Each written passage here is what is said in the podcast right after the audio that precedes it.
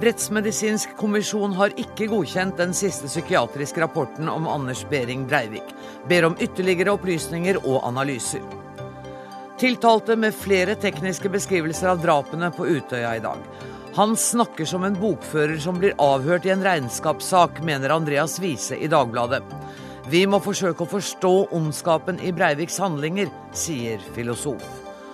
Og utenfor Oslo tinghus vokser blomsterhavet. Nå vil tusenvis av mennesker samles i Oslo for å synge sin motstand mot terroristen.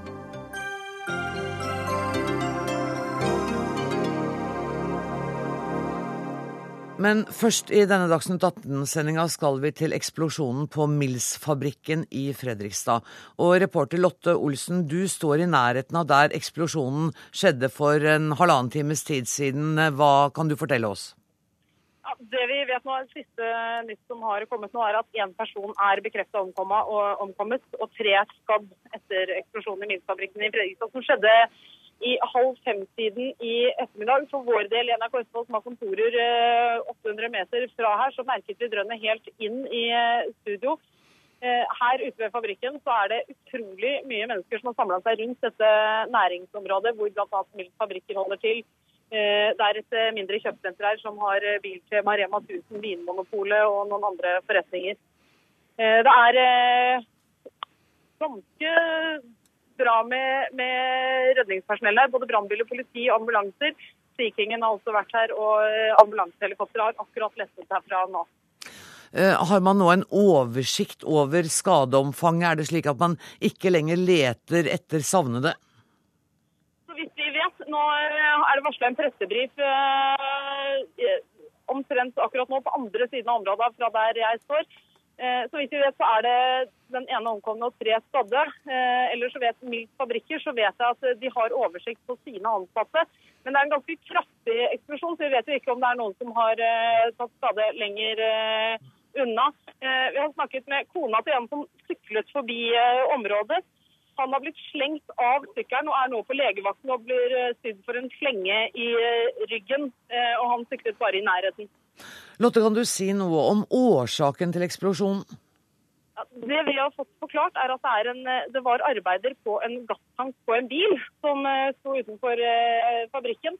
Det skal også ha vært åpen ild i forbindelse med dette, denne tanken, som må jeg bare si at dette er rykter om at det, gasstanken ikke skal være tom og har antent og eksplodert, men det er selvfølgelig bare spekulasjoner foreløpig.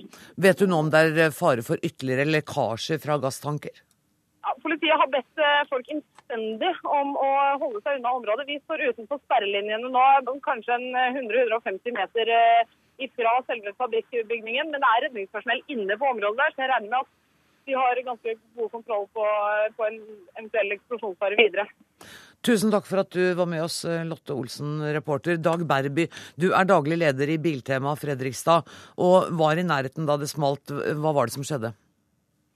Det som skjedde, var eh, at eh, som du sa, det smalt. Og det smalt voldsomt. Rista i hele bygget. Glass singla, barn skrek. Det var rett og slett en skikkelig utrivelig opplevelse. Vi hadde ja, det, det smalt skikkelig, da. Virker det som om politi og helsepersonell nå har kontroll over situasjonen, sånn som du ser det?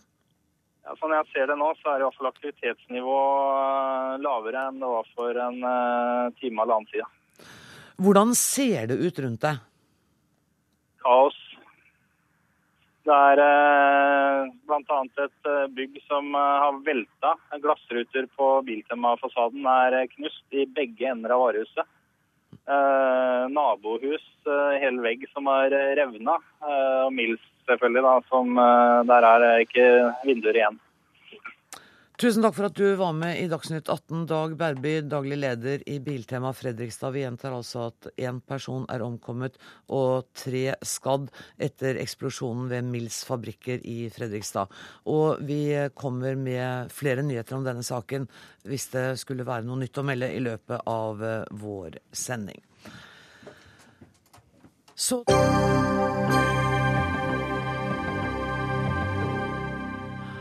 Så til eh, Oslo tinghus og rettssaken mot Anders Behring Breivik. Den rettsmedisinske kommisjonen ber de sakkyndige bak den andre Breivik-rapporten om å utferdige en tilleggserklæring. Det ble klart mot slutten av den sjette dagen i rettssalen i dag. Og reporter i tingretten Haldor Asvald, hva er grunnen til at kommisjonen ber om tilleggserklæring? Av disse ekspertene som sitter i Den rettsmedisinske kommisjon, som fungerer som et slags kontrollorgan for den faglige kvaliteten på eh, psykiatriske rapporter i rettsvesenet i Norge. De mener at denne siste rapporten som ble skrevet om eh, Breivik, er eh, mangelfull, at den mangler opplysninger. De, de har spørsmål som de ønsker å, å, få svar på. Og det de særlig legger vekt på i sin begrunnelse her, er at de mener at de nye psykiaterne som har vurdert Breivik, altså Agnar Aspås og Terje Tørrisen, som også er til stede nå under rettssaken, at de ikke har vurdert godt nok om Anders Behring Breivik. Kan ha endret forklaring underveis i løpet av det siste året. Om han forsøker å framstå på en annen måte enn det han gjorde overfor de første psykiaterne, fordi han ønsker å framstå som tilregnelig. Vi vet jo at han er veldig interessert i det, at han ønsker å bli dømt til vanlig fengselsstraff. og disse nye, eh, altså Kommisjonen eh, mener da at eh, det er en stor fare for at det kan ha skjedd, og at de eh, nye psykiaterne ikke kan ha eh, vurdert dette godt nok. Og I tillegg så er de også veldig interessert i å få mer opplysninger om barndommen til eh, Breivik. Hvordan han har eh, utviklet seg, hvordan har eh, dette, den, han, altså, han utviklet seg til å bli det mennesket han er i dag. Og at de da ønsker flere opplysninger som handler om hans oppvekst. Takk for at du var med i Dagsnytt 18, reporter Haldor Asvald. Magnus Takam, du uh, følger saken for NRK. Og den rettsmedisinske kommisjonen, sånn som jeg skjønner det, så skal den kvalitetssikre eller godkjenne alle rettsmedisinske erklæringer lagt fram for retten i straffesaker.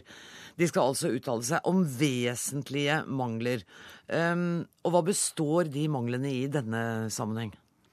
Som eh, dere var inne på nå, så, så, dreier det seg om et par punkter eh, som er relativt eh, vesentlige. Eh, de sier at det systemet for å bestemme diagnoser som fins, nemlig et sånt eh, system der man scorer eh, på forskjellige slags tester eller kriterier, Eh, kommisjonen mener tydeligvis at denne rapporten nummer to ikke har oppfylt Den har ikke begrunnet godt nok sin konklusjon gjennom det systemet den, den, har brukt. Og det er en relativt alvorlig innvending. Og det er som, som vår reporter var inne på, en del av, en del av bakteppet er at det har gått lengre tid, selvfølgelig, for den andre kommisjonen eh, eller andre gruppen etter ugjerningen, og dermed har han hatt etter deres mening eh, mulighet til å tilpasse seg eh, i forhold til det han vil oppnå, nemlig å bli kjent tilregnelig.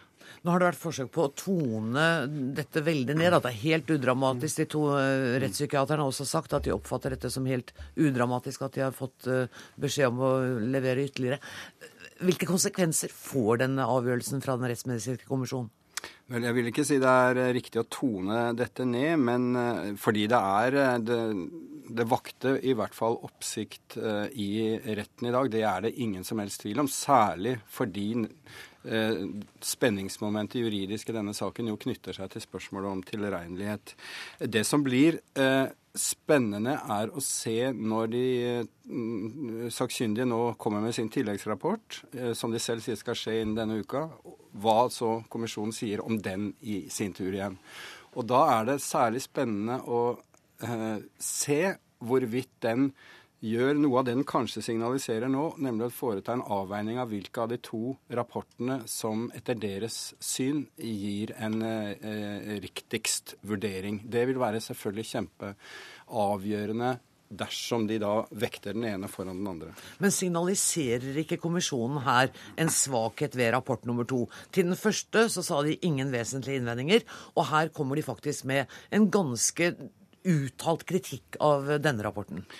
Ja, det er klart at i denne saken så har det vært en så spesiell prosess rundt uh, de retts- eller psykiaternes rapporter at det er vanskelig å legge akkurat det til grunn at den var uh, mye mer omfattende her enn i den første. slik at når de i den første rapporten sa ingen vesentlige uh, kommentarer, så skjulte det ingen vesentlige noe som, som, de ikke ga svar på i offentligheten. Men alle vet at det var ganske store interne, interne diskusjoner i, i kommisjonen rundt dette. Så det, det, det oppsto jo et krav pga. Den, av den første konklusjonen om en, en, en annen eh, rapport i tillegg. Så, men uansett så er dette svært interessant, og spørsmålet blir også om når man til slutt skal i retten eh, avgjøre dette, så vil dette med tvilsgrad, altså påtalemyndigheten, hvis den går for tilregnelig, så må den bevise utover enhver rimelig tvil osv.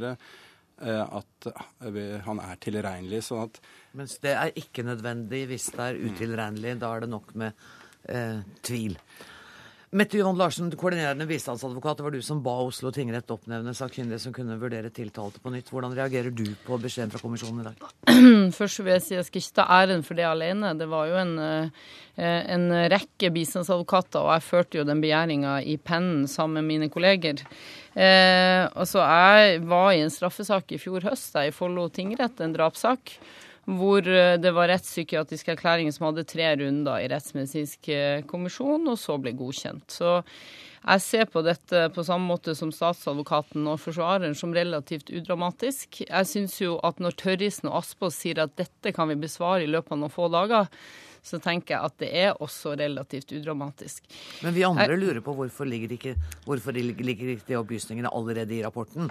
Hvis det er så lett at de kan ja, altså, Jo, jeg tenker jo at når man eh, skriver 300, over 300 sider og jobber med dette under et visst tidspress, så kan det tenkes at uh, ting kan gjøres grundigere. Og jeg syns jo den store fordelen nå er at vi får en åpen, erklært uenighet fra Rettsmedisinsk kommisjon, istedenfor rykter om uh, alt fra avlytting fra NRKs side det til at noen har vært uenige, men vi kan ikke gå ut med uenigheten. Jeg syns det er bra at uh, altså Jeg ville vært overraska hvis vi nå fikk en sånn konsensustilbakemelding på to så vidt forskjellige konklusjoner. Så jeg syns jo det, det styrker det. Og jeg tenker jo i slutten av uka så tror jeg at vi har en enda grundigere vurdering av Breivik opp mot det spørsmålet som er sentralt, nemlig en rapport til fra de to sistnevnte. Så du mener at det vil være å dra det altfor langt allerede nå og si at nå heller det imot eh, en utilregnelighetserklæring? Eh, Absolutt. Eh, altså det er folk som ønsker at han skal være utilregnelig, og folk som ønsker at han skal være tilgjengelig eh, i vår klientmasse. Men det viktigst for dem at saken blir best mulig opplyst, og da med en tilleggsrapport så får vi vel det. En ting jeg vil si til Takvam, det er aldri sånn at Rettsmedisinsk kommisjon vekter to rapporter.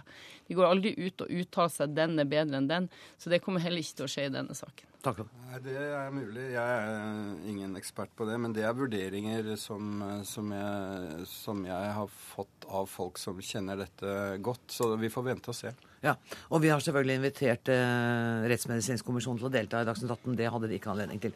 Det hadde heldigvis du, Pål Hartvig, psykiater, og du må hjelpe oss litt. Eh, er det en kritikk av arbeidet eh, som ligger i dette brevet fra Rettsmedisinsk kommisjon i dag? Ja, Det vil vel være galt å si at det ikke er det. Det er helt klart det er kritiske kommentarer.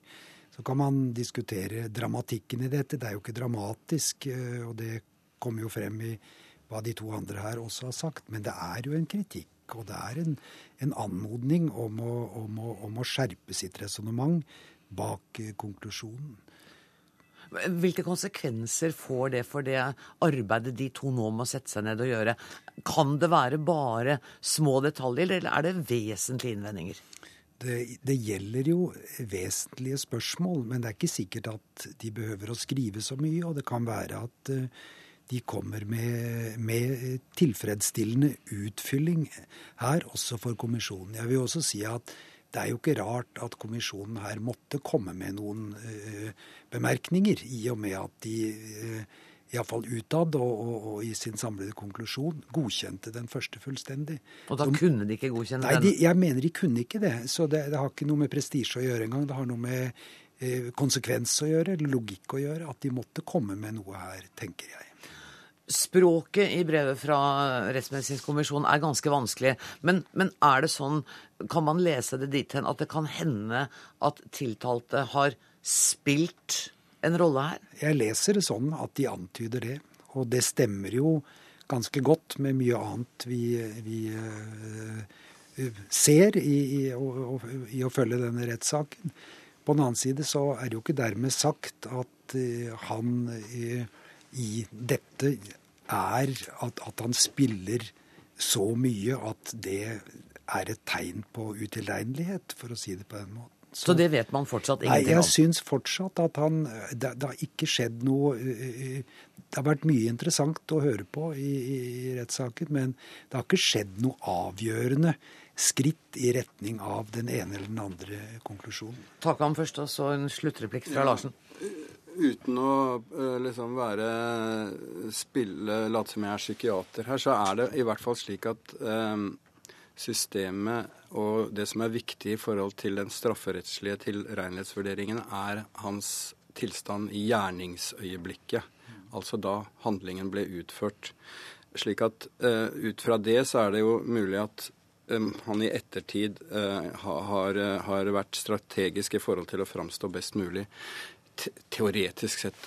Og det er også slik at enkelte i hvert fall mener det er mulig å få en eh, gradsvurdering av denne psykosediagnosen, slik at, slik at vedkommende f.eks. kan sies å være psykotisk paranoid eller noe tilsvarende når det gjelder måten altså den tvangsforestillingen han har hatt om at han må handle. Mm. Altså hvordan han har skapt det universet det er snakk om her. Og at vrangforestillingen er på den måten at han er ukorrigerbar på det og må på en måte handle, men at han vet eventuelt at det han gjør er straffbart og galt. Slik at her er det mange elementer som skal inn i vurderingen. Jeg tror jeg gir Hartvig veldig kort. Jeg kan, kan understreke det at man kan være, man kan ha en psykosediagnose eh, og likevel bli kjent tilregnelig. Det er mulig. Jeg har sett en rekke erklæringer som bygger opp under en slik konklusjon. Jeg har bare lyst til å si at vi må liksom, Det er viktig med et tydelig budskap ut til de som er eh, ramma av Breivik sine handlinger. Det er meget oppegående folk. Og de sitter jo veldig sterkt og lurer på, mange av dem, hvordan kan man være psykotisk og så manipulere seg fram til å framstå som upsykotisk og tilgjengelig? Mm. Det er jo det spørsmålet mine klienter stiller, og der må jeg si at det stusser jeg også på, sånn rent personlig. Mm. Og det er det altså retten som til syvende og sist skal ta stilling til. Tusen takk for at dere kom. Mette Yvonne Larsen, bistandsadvokat. Magnus Takvam, kommentator her i NRK, og psykiater Pål Hartvig. Så skal vi over til hva som eh, ble sagt i rettssalen i dag ved hjelp av to kommentatorer som nå har kommet i eh, studio. Du skriver i dag at hatet til Anders Behring Breivik ikke stammer fra multikulturalisme, men i at han mislyktes i å bli rik. Elisabeth Skarsbø Moen, debattredaktør i VG. Hvorfor det? Jeg skriver at jeg tror det. Ja. At det er der det begynner for han. Når jeg har sittet og sett på han da i fire dager i retten i sammenheng, så får jeg liksom pipla til overflaten et bilde av et mann, da, gjennom, en, en mann gjennom disse spørsmålene som aktoratet stiller, av en mann som er fremmedgjort i det samfunnet han lever i. Og som møter nederlag på nederlag og har alvorlige trøbler i sin relasjon til samfunnet. Og til slutt så uh, kommer jo han da dit at han taper halvparten av sin aksjekapital og flytter hjem til mor og begynner å spille dataspill. En kontrollerbar verden. Og jeg tror da at det ser ut sånn som det ser ut for meg, så jeg har lansert en teori om at det er kanskje der han begynner da å heller etterrasjonalisere, finner en Eh, en ideologi som passer som forklaringsmodell på de nederlagene han har lidd. Og da er det veldig lett å ty til å angripe den fremmede, altså innvandringen og det andre. Dette er jo kjent, eh, dette er jo kjent psykologi. I kronikken så tar du også opp det som ser ut som Breiviks følelse av skam, mm. og søken etter å gjenopprette den tapte mm. ære. Mm. Ja, fordi at i det gapet som eh, ligger mellom eh, vårt eget sjølbilde og eh, det ideale, den vi vil være, der er det jo skammen. Det rommet fylles jo av skammen. Og, og, og det er det psykologien kaller skam. Og det er jo slik at da ønsker, og den jo, må jo være veldig stor. Han har vokst opp i et miljø her på beste vestkant, riktignok da i, eh, i, den delen av området der folk har det litt dårligere stilt. Han har gått på, med veldig rike eh, klassekamerater på skole hele livet. Og så var det også slik at på Skøyen skole og Ris skole, så var det, ungdomsskole, så var det et ganske hardt og tøft innvandringsmiljø på den tida han går på skolen. Og det er mye voldelige konfrontasjoner bl.a. mellom etnisk norske og innvandrere. Så det har han nok opplevd, men jeg tror tror at han da omskriver historien sin litt. Han finner forklaringa her, at det var det som utgangspunktet, det som var problemet. Og, og, det er jo enkelt å tenke seg i den situasjonen der han har forsøkt å en, skaffe seg den fasaden han trengte da, for å framstå som han også hadde lykkes. Eh, og når han da ikke gjør det, så finner han altså den som ligger utafor seg sjøl, det fremmede for å forklare hvorfor han ikke lykkes. Og det ikke, har ikke noe med han sjøl å gjøre. Nei, ikke sant. Andreas Wiese, du er kommentator i Dagbladet, eh, og du har skrevet at han vil bli sett, men ikke latterliggjort. Mens i dag opplevde han det i retten, syns han selv. Ja, fordi han har havnet i en situasjon hvor han Jeg er jo jeg tror det er veldig vanskelig å spore årsaken til Anders Behring Breivik tilbake til én årsak. Men, men, det som har skjedd, er at han går veldig inn i verden etter verden. Altså Han går voldsomt inn for å bli stor forretningsmann. Han går voldsomt inn for å bli den beste i World of Warcraft. Og så går han inn for å bli den store ideologen og skrive kompendia. Og girer seg på en måte opp slik at det som står der, blir villere og villere for hver runde med papir i 1800 sider. Og så skal han liksom over i handling og gjøre de forferdelige tingene han har gjort. Men nå, nå, når han da skal stå i retten, så er han i nok en versjon. Og da oppdager han at han må velge om han skal regnes som tilregnelig, eller om han skal ta sjansen på å forsvare uh, dette manifestet eller kompendiet sitt. Og da virker det som han, at selvbildet hans er viktigere for ham enn uh, en selv kompendiet.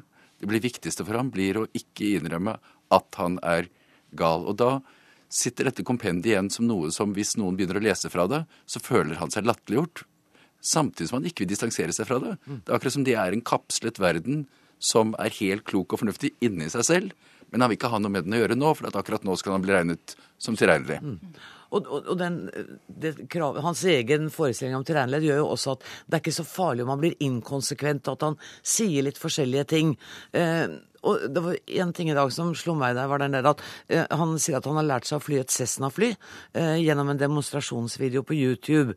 Mm. Eh, og når aktor da påpeker at han altså måtte ringe eh, et redningsselskap for å finne reversen på bombebilen, eh, så sier han at ja, men det må alle eksperter Det er helt umulig å finne den reversen. Altså denne eh, motsetningen i det praktiske daglige og følelsen av å kunne mestre alt.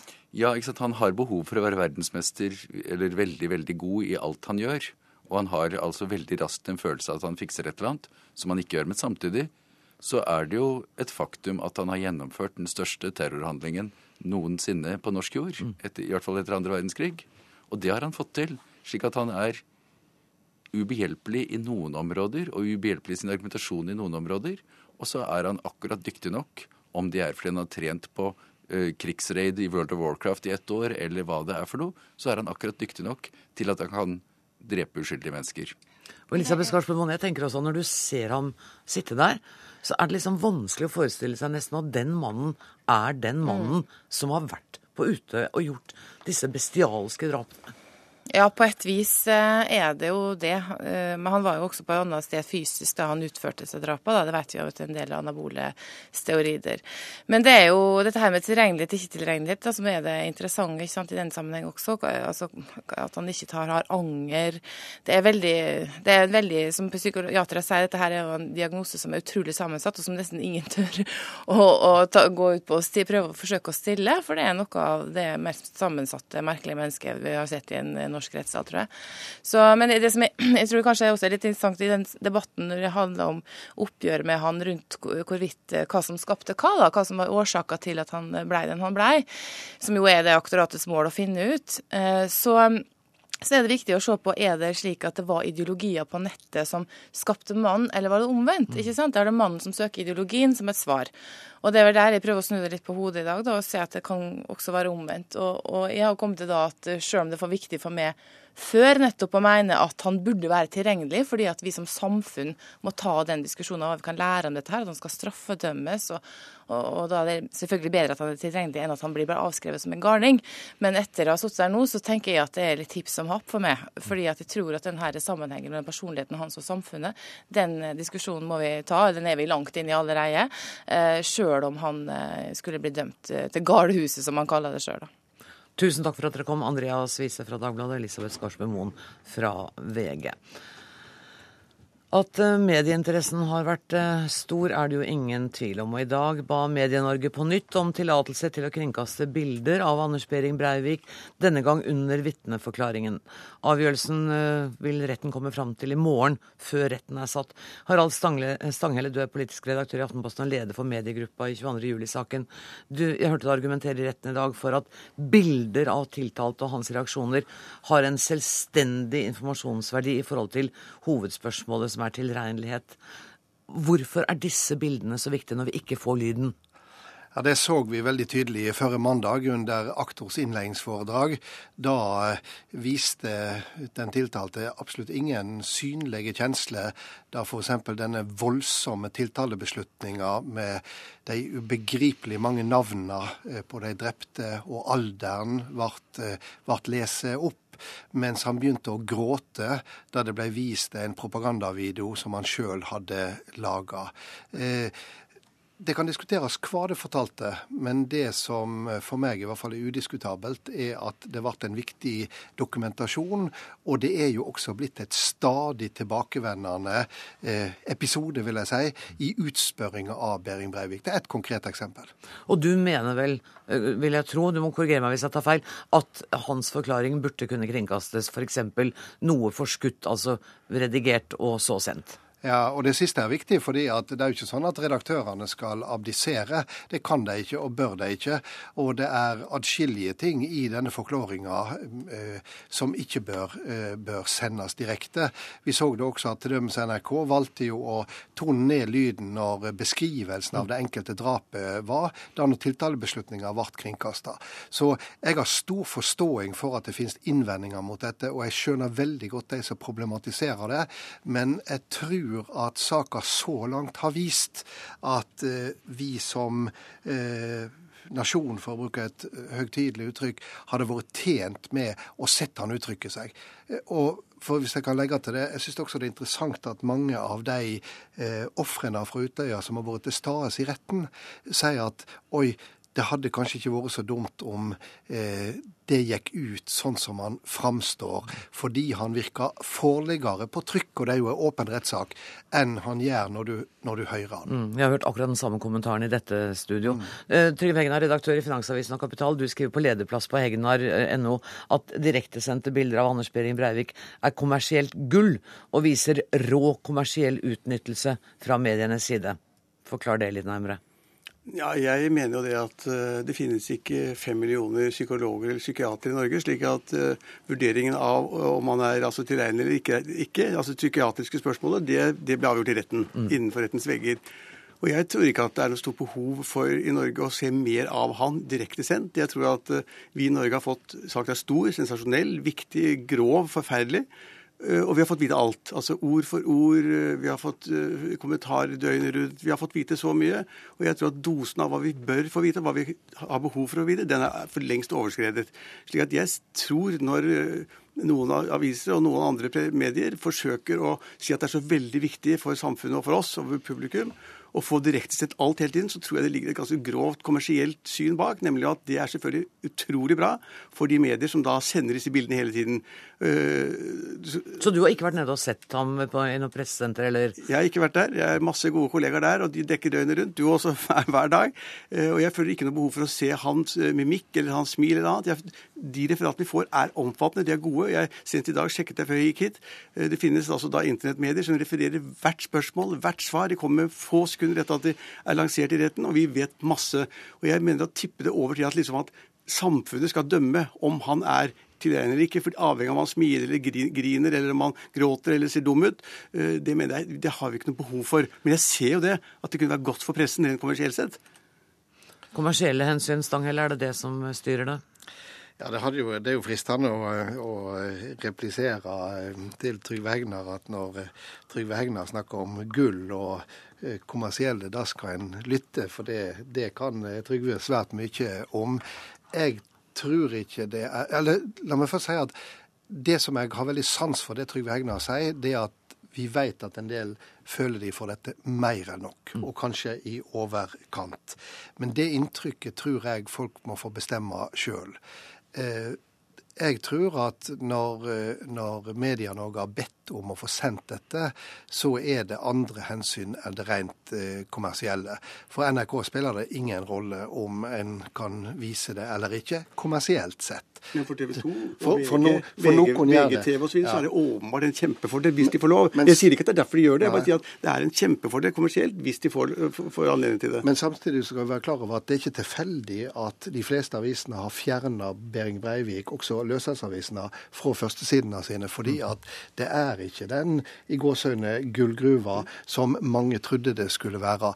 Jeg tror på en måte at det som er viktig å lete etter prinsippet i dette, og vi har ei åpen straffesak, det er utrolig viktig at det er ei åpen straffesak, det har jeg ikke hørt noen som har vært usamd i. Og da tror jeg faktisk at vi i løpet av de 30 år som er gått siden første gang det ble sendt noe direkte glimt ifra retten, det var ei, ei stor drapssak i Trøndelag der eh, det var en sykehjemsbestyrer som ble dømt for 23 drap. Det var en av de første gangene det ble noen små glimt, eh, bl.a. fra domslutninger. Mm. Seinere har vi sett at for ti år siden, i 2002, så ble den første direktesendte saka i sin helhet sendt. Det var for Høyesterett i Orderud-saka, i ankesak. Bare profesjonelle aktører. Så ser en at medieutvikling medieutviklinga og åpenhetsutviklinga går hånd i hånd. Og i dag så er det naturlig å billedlegge, det er naturlig å lydlegge i mye høyere grad enn det var tidligere. Det er på en måte kommet i tillegg til å erstatte fra det skrevne eh, referatet som tidligere avisene hadde monopol på. Og du kommer i morgen til å håpe at tingretten avslår eh, søknaden fra NRK?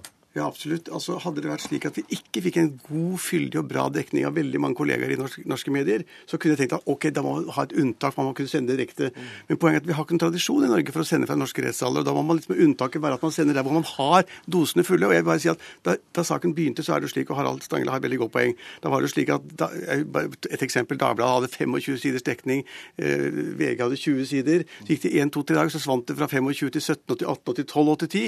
Og det er klart Dosene blir jo mindre. Den blir mer fornuftig etter hvert. fordi at Selv om saken er sensasjonell, selv om det er grotesk, og alt det som er, så er det slik at det er jo grenser for folk hva vil ha, folk vil ha. Og så er det en ting Folk sier til meg, og det tror jeg på, at masse unge, gamle, andre er engstelige hvis de skal møte denne mannen i den TV-ruten. Og det kan vi da kanskje slippe. Mm.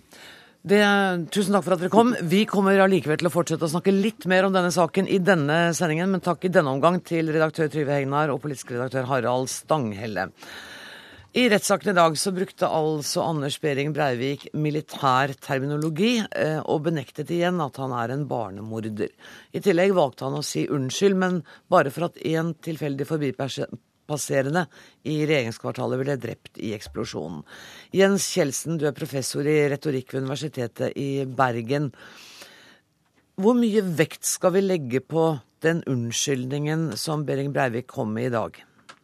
Det kommer an på hva du øh, ønsker å tenke på i forhold til unnskyldningen. Hva du, hva du mener med vekt, øh, vet ikke jeg. Men om den har noen betydning som unnskyldning, så er det nok ingen tvil om at det har den ikke i det hele tatt.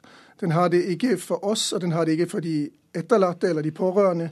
Fordi det som er mest kjennetegnet ved en unnskyldning, det er jo at man skal mene det. At man skal føle det selv.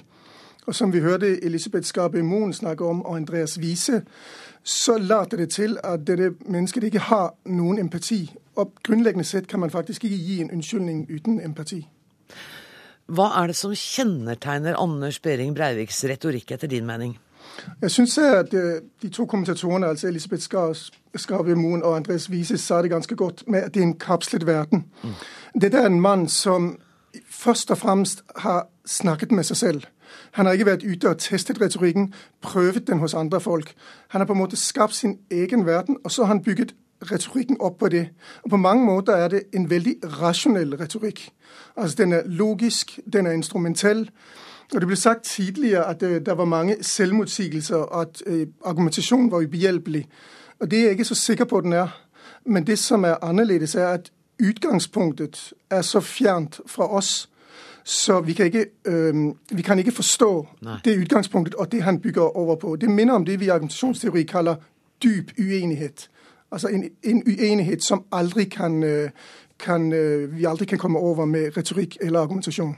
Rett og slett fordi at det er to helt forskjellige virkelighetsoppfatninger?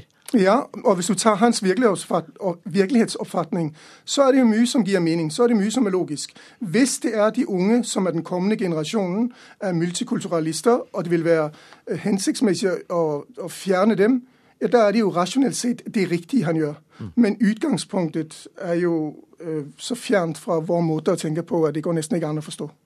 Einar Øvrengen, du er filosof. Er Anders Behring Breivik eh, ond? Han er i hvert fall stand til å gjøre ufattelig onde handlinger helt i randsonen av hva vi har eh, noen gang erfart i verdenshistorien. Men vi finner nok noen andre der også. Det gjør vi nok. Det er han i stand til. Finnes det mennesker som er gjennomført onde? Det er det store filosofiske spørsmålet. Det var derfor jeg stilte ja, det til deg. Ja. Eh, det er vanskelig å ta stilling til. Og Hva skal vi bruke den kunnskapen til, egentlig? Han er i stand til å gjøre ufattelig onde handlinger. Og så blir neste spørsmålet hva er det som har fått han til å gjøre det? Eh, det jeg gjetter på, er at han har valgt å gjøre det. Han har foretatt et valg. Eh, hvis vi sier at han har gjort det fordi han er en ond person, så, det, så kommer ondskapen fra hans, e, ondskapens handlinger ut fra hans egen ondskap. Mm. Og da har han ikke hatt noe valg. Da har han gjort det onde fordi han er ond av natur. Og da kan vi strengt tatt ikke holde ansvarlig for det, for da hadde han ikke noe valg. Litt av det samme som det finner hvis vi sier at han er syk. Da kunne han ikke noe for det, for han var syk, så vi kan ikke holde ansvarlig for handlingene hans. Da er det strengt tatt synd på han fordi han er syk, eller synd på han fordi han er ond. Men det vanlige i norske rettssaler og det vanlige etikken er å si at vi skiller mellom handlinger og personer. Vi dømmer handlinger, vi dømmer ikke personer. Og når vi feller dommer innenfor etikken, så gjør vi det i forhold til deres handlinger, og ikke i forhold til våre tanker om hvem de måtte være, for det er veldig vanskelig å finne ut hvem mennesket er. Har han gjort en god handling i sitt liv? Det vil jeg tro. Veldig vanskelig å finne et menneske som ikke har gjort en god handling. Så dette er litt problematiske, men jeg tror ikke man har tilført denne diskusjonen noen verdens ting av forståelse, selv om man sier at han er en ond person. Man kan også ha utgangspunkt at handlingene hans er ufattelig onde, og det er nok. Og så blir spørsmålet kan han holdes ansvarlig for de eller ikke. Mm.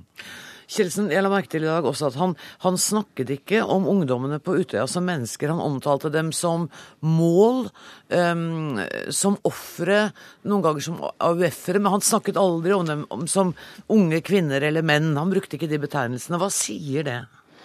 Ja, i, i, propaganda og i retorikk hvor man skal ramme andre folkegrupper, der det veldig, har det vært veldig vanlig ha en sånn aktiv dehumanisering. Altså Man gjør mennesker umenneskelige. Man dem, gir dem dyrenavn, kaller dem kakerlakker eller rotter.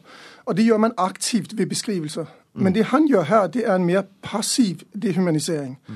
Altså Han snakker om disse menneskene som om de var brikker. Som om de ikke har følelser. Som om man kan gjøre nærmest hva som helst med dem.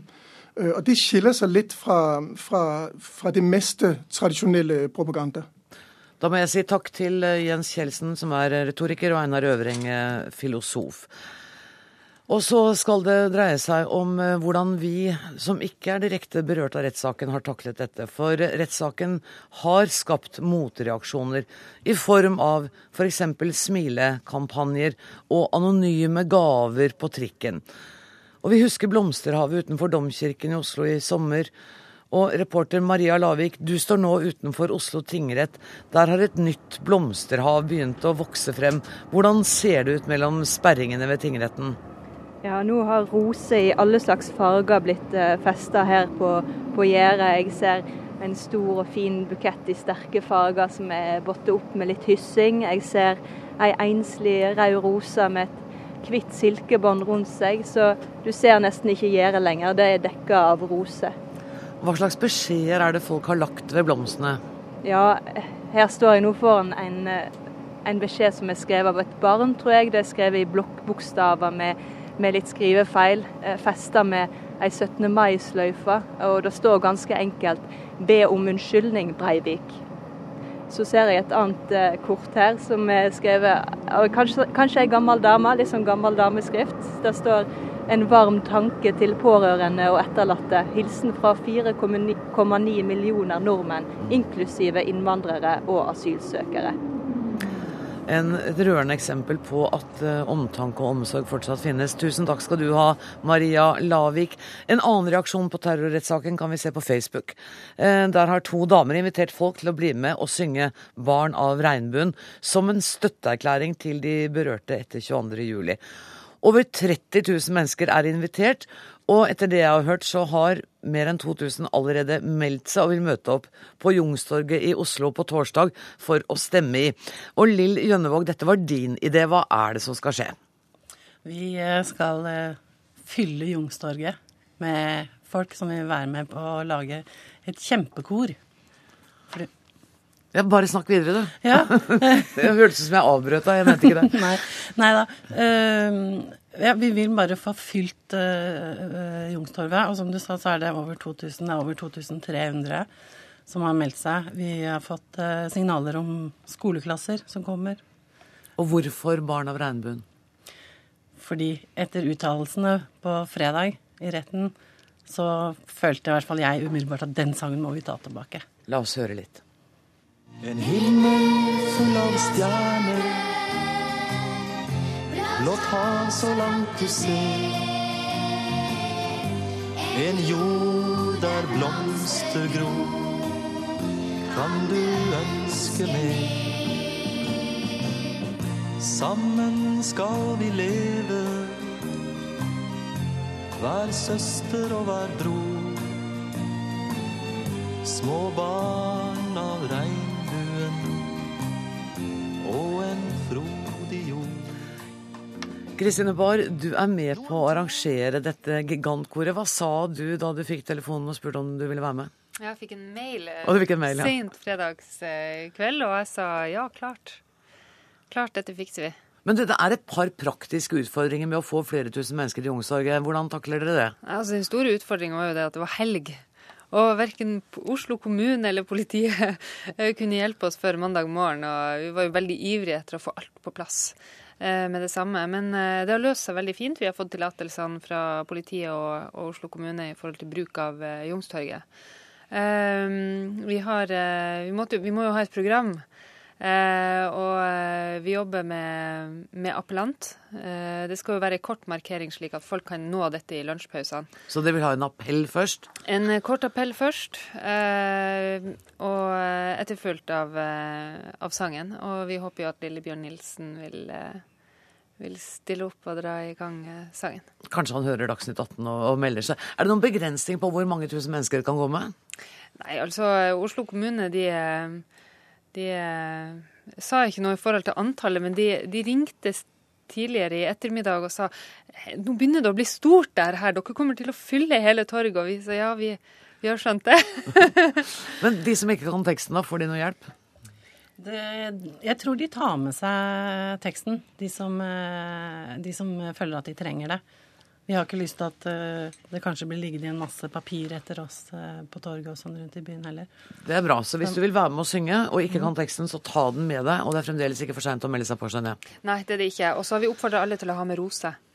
Vi har tenkt å ha rosenedlegging også, men vi må bli litt enige med politiet i forhold til til hvor vi skal legge ned i rosen. Så det blir en rosekonsert? Tja, ja. Det blir veldig, i hvert fall en veldig kort eh, konsert. Og, og så eh, har, eh, er det flere initiativtakere som eh, har stelt i stand markeringer i de andre byene i Norge. Mm. Eh, samme dato og klokkeslett. Marie Strand Skånland, du er musikkpsykolog ved Musikkhøgskolen. Hva, hva, sier dette om at vi bruker ja, både til ungdommen og, og denne her eh, i den prosessen vi er i nå? Jeg tenker at det sier flere ting. Det handler mye om fellesskap. For det første, det å synge sammen. Vi så jo det mye etter 22.07. i de første dagene, at vi sang sammen. Jeg tenker at det er noe vi vil uttrykke. Det er noen felles verdier, noen felles følelser og felles tanker som vi uttrykker sammen ved å synge. Og så opplever jeg akkurat dette initiativet som en type motsvar som er ganske eh, effektivt. og og veldig sånn kontrast til disse opplevelsene som, som, som vi hadde 22.07. og nå med rettssaken. Uh, og det gjør kanskje at det blir en sånn ekstra sterk opplevelse med mye følelser. Men, men, kjenner du andre situasjoner når det er når katastrofen rammer, at folk tyr til sang? Ja. Uh, vi har mange eksempler på det. I USA, etter, uh, etter at tvillingtårnet ramla ned. Og i Kina med jordskjelvofre så har det blitt brukt eh, musikkterapi. Grupper som samles. Um, vi har jo mange eksempler på at uh, musikk blir skrevet og laget i sorgopplevelser um, for å uttrykke noe. Um, og det går jo langt tilbake i historien. at Musikk og sorg uh, henger ganske tett sammen. Hva sier det om Vi har hørt flere som har vært, utlendinger som har vært overrasket over rosene og over sangen og over rosetogene i fjor. Er, er det noe særnorsk? Det du sier, tyder jo ikke på at det er det heller. Nei, ikke det med musikk. Det, det virker som er ganske allment. Um, og jeg tenker at det er en spesiell hendelse som rammer alle. Det er på nasjonalt nivå.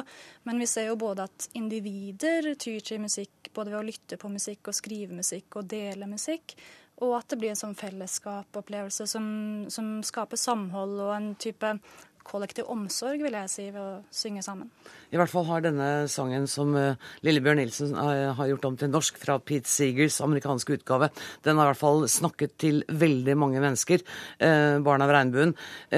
Tiltalte Anders Behring Breivik har i retten sagt at sanger blir brukt til å hjernevaske norske skolebarn, og Lillebjørn Nilsen er et eksempel på en selverklært marxist som infiltrerer kultursektoren, har altså Anders Behring Breivik sagt. Torsdag formiddag får vi høre mange tusen mennesker synge 'Barn av regnbuen'. Tusen takk for at dere kom.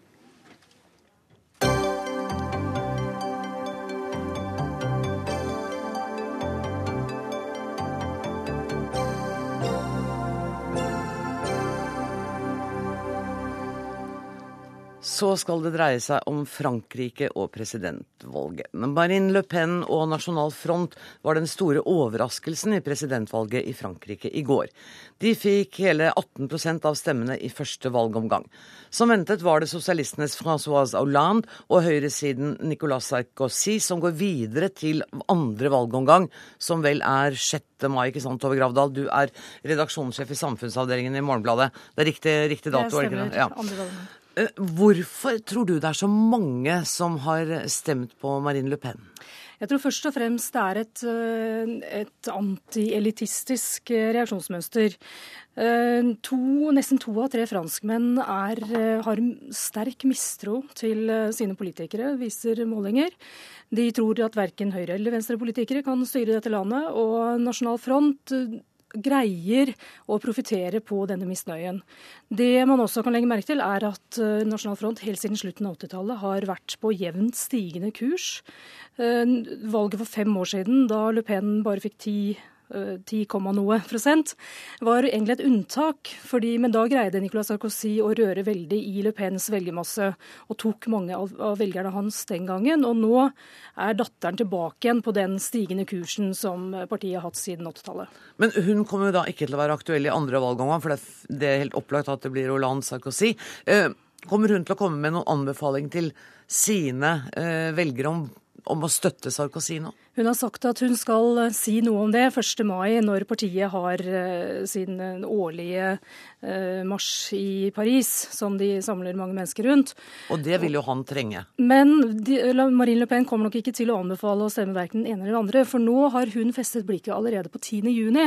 I juni er det valg til nasjonalforsamlingen. Og nå er den store utfordringen etter denne suksessen hun har hatt ved valget i går, at da er, da er den store utfordringen for henne å kunne komme inn inn i nasjonalforsamlingen, noe Nasjonal Front normalt ikke greier, fordi det er enkeltmannskretser i Frankrike. Og det gjør fordi de er litt pariakaste for de andre partiene. De greier ikke å inngå nok samarbeid med andre partier til å komme seg inn og bli valgt inn én person fra én krets. Så de har ikke noen uh, flertall i noen enkeltmannskrets foreløpig? Det er det hun nå forsøker å få til før 10.6? Hun skal i hvert fall forsøke å få mange nok stemmer i de kretsene hvor det blir tre kandidater i andre runde. Og da kan hun selv bl.a. ha store muligheter til å komme inn i nasjonalforsamlingen. Jeg har hørt flere si nå at Sarkozy nå er tidenes mest upopulære president. Det virker jo som om en ukes tid er litt knapt for å forandre det inntrykket. Har han i det hele tatt noen sjanse til å bli gjenvalgt, sånn som du ser det? Han er en veldig god retoriker. Han er ekstremt eh, flink til å snakke til mennesker. Vi skal ikke helt utelukke at han greier å komme tilbake, men det ser ganske dårlig ut. Og han må i så fall ha nesten 100% av de velgerne som stemte på Marine Le Pen i går. Og det viser målinger at det har han ikke. Kanskje bare 40-50% av de som stemte på henne i går, kan være interessert i å stemme på han i andre runde. Men han kommer nok til å skjerpe retorikken sin og snakke mye om hvor mange problemer de har pga. høy innvandring og ulovlige innvandrere osv. Noe mange av velgerne til Marine Le Pen eh, gjerne liker å høre. Mm. Og bare for å ha nevnt Miljøpartiet til Eva Jolie, de, hun oppfordrer nå sine velgere til å gå med Hollande, sosialisten. Det gjør hun, og en av grunnene til at Hollande har gjort det bra nå, er jo antagelig at, eh, at Jolie gjorde det så dårlig i valget i går. Tusen takk for at du kom i studio, Tove Gravdal, redaksjonssjef i samfunnsavdelingen i Morgenbladet. Og vi skal eh, holde oss utenriks. For eh, Norge avslutter sitt engasjement i Faryab-provinsen i Afghanistan i løpet av høsten 2012. Det er eh, nærmere ett år tidligere enn opprinnelig planlagt. Forsvarsminister Espen Barth Eide, du er i Afghanistan nå. Hva er grunnen til at Norge trekker seg ut før planlagt? Det er rett og slett at uh, i mitt møte med ledelsen for ISAF i går, så fikk vi bekreftet uh, at de ønsket at vi avvikler PLT Maimane noe tidligere. Ikke et år før, som, uh, som, det ble sagt her, men altså noen måneder tidligere. For den opprinnelige planen var våren 2013. Okay. Nå ønsker de at den skal avvikles i, i løpet av 2012. Og Grunnen til det er en kombinasjon etter ISAFs mening av at uh, jobben i stor grad er gjort når det gjelder Faryab og trening av afghanske styrker, og på den annen side et ønske om å kraftsamle om eh, litt færre steder i Nord-Afghanistan. Er Norge enig med ISAFs vurdering om at jobben bortimot er, jobb, er gjort? Hvis hvis målestokken er kapasiteten til de afghanske sikkerhetsstyrkene, så mener jeg det er en riktig vurdering. Eh, vi skal være klar over at Faryab eh, har vært og vil forbli en provins eh, hvor det vil være sikkerhetsutfordringer. De er ikke borte. Men vi, vi anser også slik at den treningen bl.a. våre styrker har forestått når det gjelder å gjøre afghanske styrker klar til å møte de utfordringene, den har vært vellykket. Og vi har sett flere hendelser i det siste hvor afghanerne har gått i front og løst utfordringene på en, på en god måte. Så Sånn sett mener jeg det er en, en fullt ut uh, forsvarlig vurdering. Men, men, du sier altså, innrømmer at, at sikkerhetsutfordringene blir ikke borte. Uh, hva vil da konsekvensene av denne tilbaketrekningen være for de sivile i Faryab-området? Ja, altså Nå har jo hele formålet med å være i Faryab, som for så vidt formålet med å være i hele Afghanistan er, er jo ikke at vi kan trylle bort alle Afghanistans problemer, men at vi eh, setter afghanske myndigheter i stand til å håndtere dem eh, best mulig selv. Og Derfor så blir altså målestokken eh, hvilken evne afghanske styrker har. Og Når det gjelder ikke minst den afghanske nasjonale hæren, så har den blitt kraftig styrket i Faryab det som heter første brigade i det 209. afghanske korps, er uh, tungt til stede. De er uh, godt utstyrt og de er vel trent og har også, uh, så vidt vi kan skjønne, et godt sett av holdninger i forhold til hvordan makt skal brukes. Og det har også vært en forbedring på politisiden. Så Poenget mitt og også ISAF er å gå mer på den afghanske kapasiteten enn hvorvidt alle utfordringer er løst. For det er det ikke, og det blir de heller ikke før 2014. Tusen takk for at du var eh, med oss, eh, forsvarsminister Espen Barth Eide. Elisabeth Rasmusson, du er generalsekretær i Flyktninghjelpen.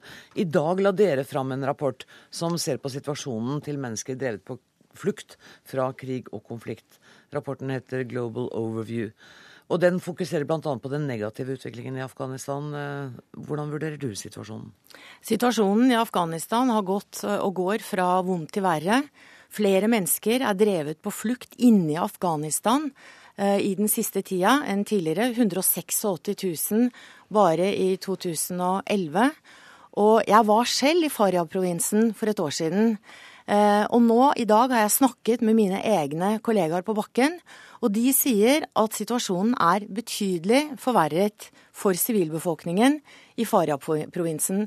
Det er mer fordrivelse, det er vanskeligere å få humanitær tilgang, og det er nesten ikke utenlandske hjelpearbeidere i Faryab.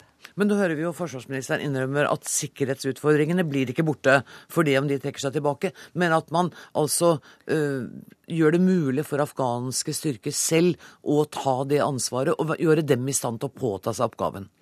Ja, Men det jeg sier, det er at øh, når er jobben gjort? Er det bare kapasitet? Hva med kvalitet? Eh, hva med sikkerheten til sivilbefolkningen?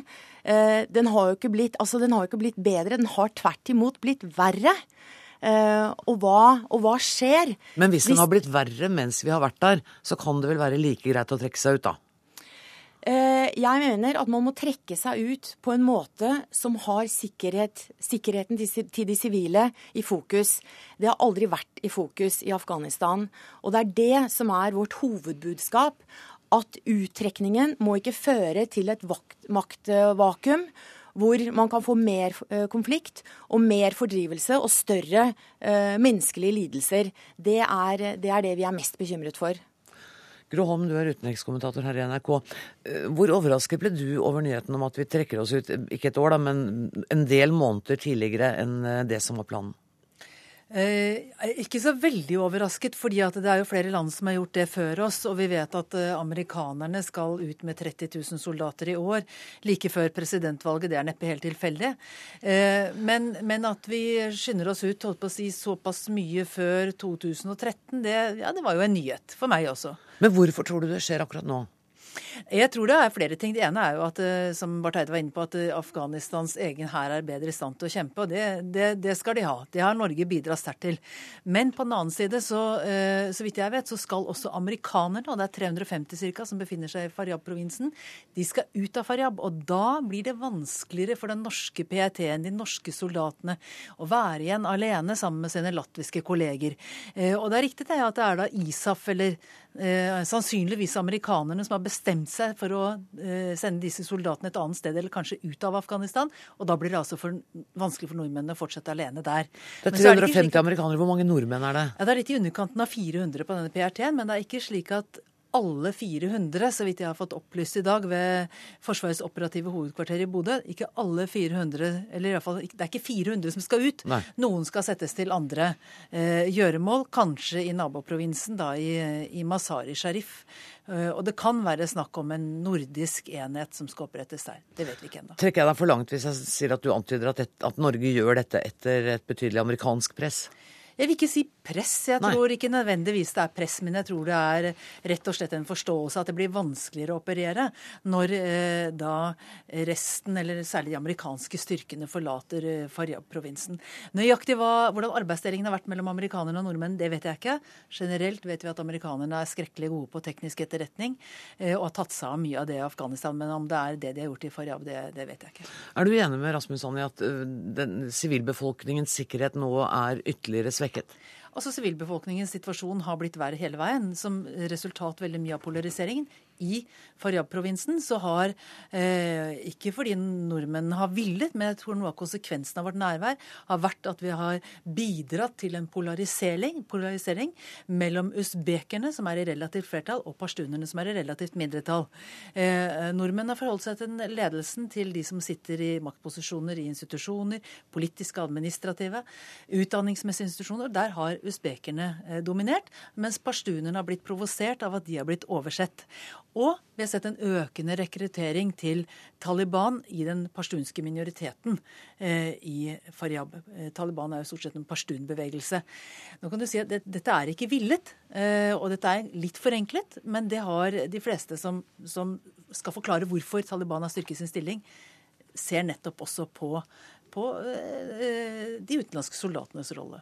Eh, Elisabeth Rasmusson, ser du den samme virkelighetsbetegnelsen som Gro Holmherjer? Beskrivelsen. Beskrivelse, mente jeg. Ja, ja, ja, absolutt. På mange måter. Situasjonen for sivilbefolkningen blir eh, verre. Indikatorene peker nedover. Og når det gjelder eh, beskyttelse og sikkerhet for de sivile, så ser vi ingen bedring i det hele tatt. Men også denne konflikten mellom uh, Hva sa du? Pashtuner og usbeker. Ja. ja. Mm. Eh, at den, også, den polariseringen den øker? Den øker polariseringen, Og dermed øker faren mm.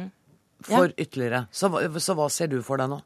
Jeg ser for meg en ytterligere forverring av situasjonen i Afghanistan. Jeg ser for meg flere fordrevne, og jeg ser for meg enda flere ubeskyttede sivile.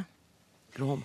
Det er, et paradoks her. fordi at eh, jeg, tror nok også at afghanerne, og det sier de selv, er bedre i stand til å forstå lokale konflikter og til å løse lokale konflikter enn utenlandske soldater. Sånn sett så kan du si at det, det, nå skal det jo testes, da, når utlendingene drar. Er det virkelig slik? Skjønner de bedre kulturen? Er de bedre i stand til å hindre eh, at eh, regjeringsstyrkene eh, Eller hindre at eh, de som skal skape fred, skaper nye konflikter? Det må vi vente med å finne svaret på. Ansvarlig for dagens utgave av Dagsnytt 18 var Karoline Rugeldal. Det tekniske ansvaret hadde Odd Evenrud. Jeg heter Anne Grosvold, og jeg takker Gro Holm og Elisabeth Rasmusson fordi de var med oss i denne utgaven av Dagsnytt 18.